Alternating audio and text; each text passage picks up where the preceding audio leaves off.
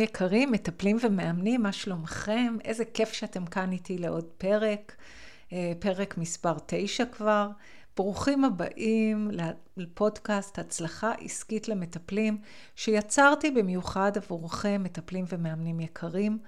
אה, למי שלא מכיר אותי עדיין, אני איריס אסיה, יועצת עסקית למטפלים, מרצה ומכשירה כבר שנים רבות מטפלים שרוצים להגשים את החלום שלהם ולבנות קליניקה מצליחה ומפרנסת, להפוך למטפלים מוכרים ומבוקשים, כאלה שקופצים מהמיטה כל בוקר וחיים בתחושה של סיפוק וגאווה, וכמובן עוזרים גם להרבה הרבה אנשים אחרים לעשות שינויים חשובים בחיים, בבריאות שלהם. אז יאללה, בואו תצטרפו אליי לעוד פרק. והיום אני רוצה להתחיל בסיפור. אה, סיפור שאומנם קרה לפני כמה חודשים, אבל אה, החלטתי שהיום אני רוצה לדבר איתכם על זה. לפני כמה חודשים, אחרי שנפגשתי עם חברה שסיפרה לי שיש לה תופעות גיל המעבר, היא לא מצליחה לישון, היא על הפנים, אמרתי לה שהיא חייבת, חייבת רפלקסולוגיה. אה, והבטחתי לה שאני אפילו אבדוק לה ואברר לה על אה, מטפלת שיכולה ככה לעזור לה להתמודד. מרוב עייפות לא היה לה אפילו כוח לבדוק בעצמה. וראיתי ככה, קיבלתי המלצה וגם ראיתי בפייסבוק על מטפלת כאן באזור שלנו, והרמתי אליה טלפון. ושאמרתי לה שלום, קיבלתי את הטלפון שלך, רציתי, רציתי ככה לקבל פרטים קצת על הטיפולים שלך, על הרפלקסולוגיה, אני מבינה שאת עושה טיפולי רפלקסולוגיה. ואיך שסיימתי את המשפט הזה, היא ככה אה, ענתה לי, בטח, אני מאוד שמחה שפנית אליי, ויופי, נהדר, ואז היא התחילה לספר לי.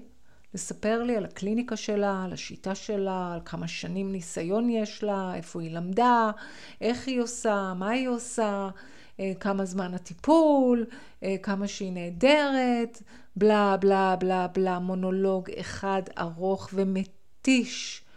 אה, שהתחילה באמת, באמת, באמת, אה, אני איבדתי אותה אחרי כמה משפטים, אה, ואחרי שהיא סיימה לדבר, זה היה לי ברור שאני לא סוגרת איתה. כי בואו רגע נחשוב מה היה פה. המטפלת, שיכול להיות שהיא מטפלת מצוינת ואין לי שום דבר נגדה, אבל בשיחה הזאתי הייתה מרוכזת אך ורק בעצמה. היא בחרה קודם כל לדבר על השיטת טיפול והניסיון שלה, במקום להתמקד בדבר החשוב ביותר, בי, בלקוחה הפוטנציאלית שלה, וביכולת שלה לעזור לי לפתור את הבעיה, שהיא בכלל לא טרחה לברר, כי היא כל כך הייתה מרוכזת בעצמה, ומנסה בכוח למכור לי את עצמה. היא איבדה אותי, וכמובן לא השתכנעתי שהיא יכולה לעזור לי, והשיחה הסתיימה בזה שאמרתי לה שאם זה יהיה רלוונטי, החברה שלי כבר תחזור אליה. וזה חבל, חבל מאוד. אז מה הבעיה עם הדרך שהיא בחרה לנהל את השיחה? יש כאן שתי נקודות שחשוב מאוד שאתם לא תעשו בשיחה הבאה עם לקוח פוטנציאלי. לפני כן אני רוצה להגיד עוד משהו. אין דבר יותר מתסכל מלעבוד קשה, קשה, קשה, אה, לשווק, לכתוב, לפרסם, כדי להביא את המטופלים הפוטנציאליים להרים אלינו טלפון, וכשהם סוף סוף כבר עושים את זה, זה לא נסגר. זה מאוד מתסכל. עכשיו, ברור שלא כל מי שיתקשר אלינו יסגור איתנו טיפול, אבל אנחנו בהחלט בהחלט יכולים בכמה צעדים מאוד פשוטים ואפילו הגיוניים להגדיל את האחוז הזה, שבו מטפל שכבר מתקשר אליי, כי הוא קרא, כי הוא שמע, כי הוא עוקב, יסגור. אז בואו נראה רגע מה חשוב מאוד לעשות בשיחה. אז קודם כל תראו, כשאנחנו מקבלים שיחה ממתעניין פוטנציאלי שרוצה לקבל פרטים, הטעות הגדולה תהיה לתת לו את הפרטים על ההתחלה. במקום זה, מה שאני באמת מבקשת מכם לעשות, זה לא להתפתות ולתת לו את הפרטים, אלא להגיד לו, להגיד לו, אני אשמח מאוד לתת לך את כל הפרטים, וגם כמובן את המחיר, אבל לפני כן אני רוצה לשאול אותך כמה שאלות. ואז, לפני שאני נותנת לה את הפרטים, אני מובילה את השיחה ומתחילה לקבל ממנה תשובות לכל מיני שאלות שאחר כך יעזרו לי להכין את התשובה לשאלה ולתת לה את כל הפרטים. אז אני יכולה למשל להתחיל לשאול אותה, למה היא פונה, למה היא פנתה אליי, מה כואב לה, אה, מה היא עשתה עד עכשיו כדי לטפל בבעיה, מה עוזר לה, מה פחות עזר לה, איך זה מגביל את החיים, איזה טיפולים היא עשתה עד היום, אוקיי? ואני מתחילה לתת לה קצת לשתף, קצת לספר. אה, אתם בוודאי תסכימו איתי שהרבה אנשים גם מאוד אוהבים לשתף ולחלוק. הרבה אנשים שמגיעים אלינו הם מאוד מתוסכלים. אה, יכול להיות שכבר אין מי שמקשיב להם, או שנמאס לסביבה הקרובה שלהם לשמוע אה, על הבעיות שלהם. ולכן, אם אתם תהיו אוזן קשבת כבר על ההתחלה, אתם תיצרו את החיבור הכל כך חשוב הזה. באמצעות השאלות שלכם, הצד השני גם יבין שיש כאן מישהו שמבין, את, שמבין אותו, ששואל שאלות אה, חכמות, שבאמת מקשיב לו, וייווצר חיבור מאוד מאוד קריטי לבניית מערכת יחסים טיפולית. הדבר הנוסף שזה עושה, זה שזה מאפשר לכם באמת להכין את התשובה לשאלה שבשבילה הם התקשרו. אתם מתחילים להקשיב, אתם מתחילים אה, לראות, לשמוע מה עזר, מה עזר, לקלוט אה, מה בדיוק כואב לצד השני, ואז ברגע שאספתם את כל האינפורמציה הנדרשת, אז אתם עוצרים, יכולים אפילו לסכם באיזה משפט קצר.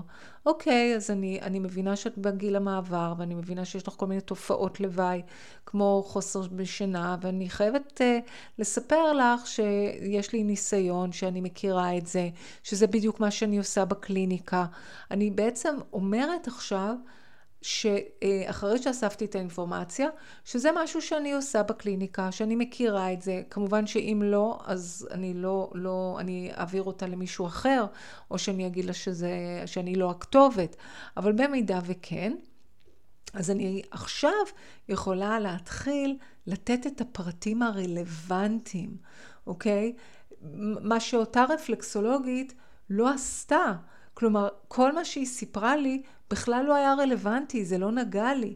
אם היא הייתה שואלת אותי למה אני פונה אליה, והייתה מאפשרת לי קצת לספר אה, על החברה, על הגיל המעבר, על זה שהיא לא מצליחה לישון, אחר כך, כל מה שהיא הייתה אומרת לי אחר כך, היה כבר יוצר את הרושם אצלי שהיא באמת יכולה לעזור לבעיה אה, הספציפית שלי. ולכן, תבינו, זה קצת אולי מנוגד להיגיון, כי הרי אותו בן אדם, אותו לקוח פוטנציאלי, מתקשר כדי לקבל מאיתנו פרטים. אבל אנחנו מובילים את השיחה ומשהים את קבלת הפרטים עד שנאסוף את כל המידע ממנו. וברגע שיש לנו, עכשיו אני יכולה בעצם לתת את כל הפרטים, אוקיי? עכשיו, אה, בכלל מדברים על 70-30, אה, הקשבה של 70 אחוז, דיבור 30 אחוז. כלומר, אנחנו צריכים כאן אה, להיות בהקשבה רוב, ברוב השיחה. עכשיו, הקשבה זה לא סתם להקשיב ולהגיד אהה, אהה, אהה, אלא מה שנקרא הקשבה פעילה. ממש להקשיב בין השורות, להקשיב לניואנסים, להקשיב לאינטונציה. אה, אם אתם לא תהיו מרוכזים ותשאלו שאלה לא רלוונטית, אה, אתם איבדתם את הלקוח הזה. ולכן הקשבה צריכה להיות מאוד מאוד מאוד בריכוז. אני צריכה להרשים אותה, ואני יכולה להרשים אותה דרך השאלות שאני אשאל. אמ, אוקיי? עכשיו, עוד דבר נוסף, אם אתם כבר מדברים בשלב האחרון על הטיפולים שלכם, לא צריך להיכנס לפרטי פרטים בשיטה ואיך היא עובדת. זה לא כזה מעניין את הלקוח, ממש ממש פרטי פרטים. וגם אל תשתמשו בכל מיני מילים מסובכות כדי להרשים אותו. זה ממש לא מרשים, ההפך, זה אפילו אה, מרחיק. דברו בגובה העיניים. אה, דברו בדיוק איך אתם, אה, ממש באופן כללי. אה, תנו לו איזושהי גם תקווה ואור בקצה המנהרה, שאתם יכולים להשתמש באיזשהו סיפור מקרה אה, שמאוד עזר למטופל שלכם. תספרו על מה, איך בעצם השיטה יכולה לעזור לאותה בעיה ספציפית.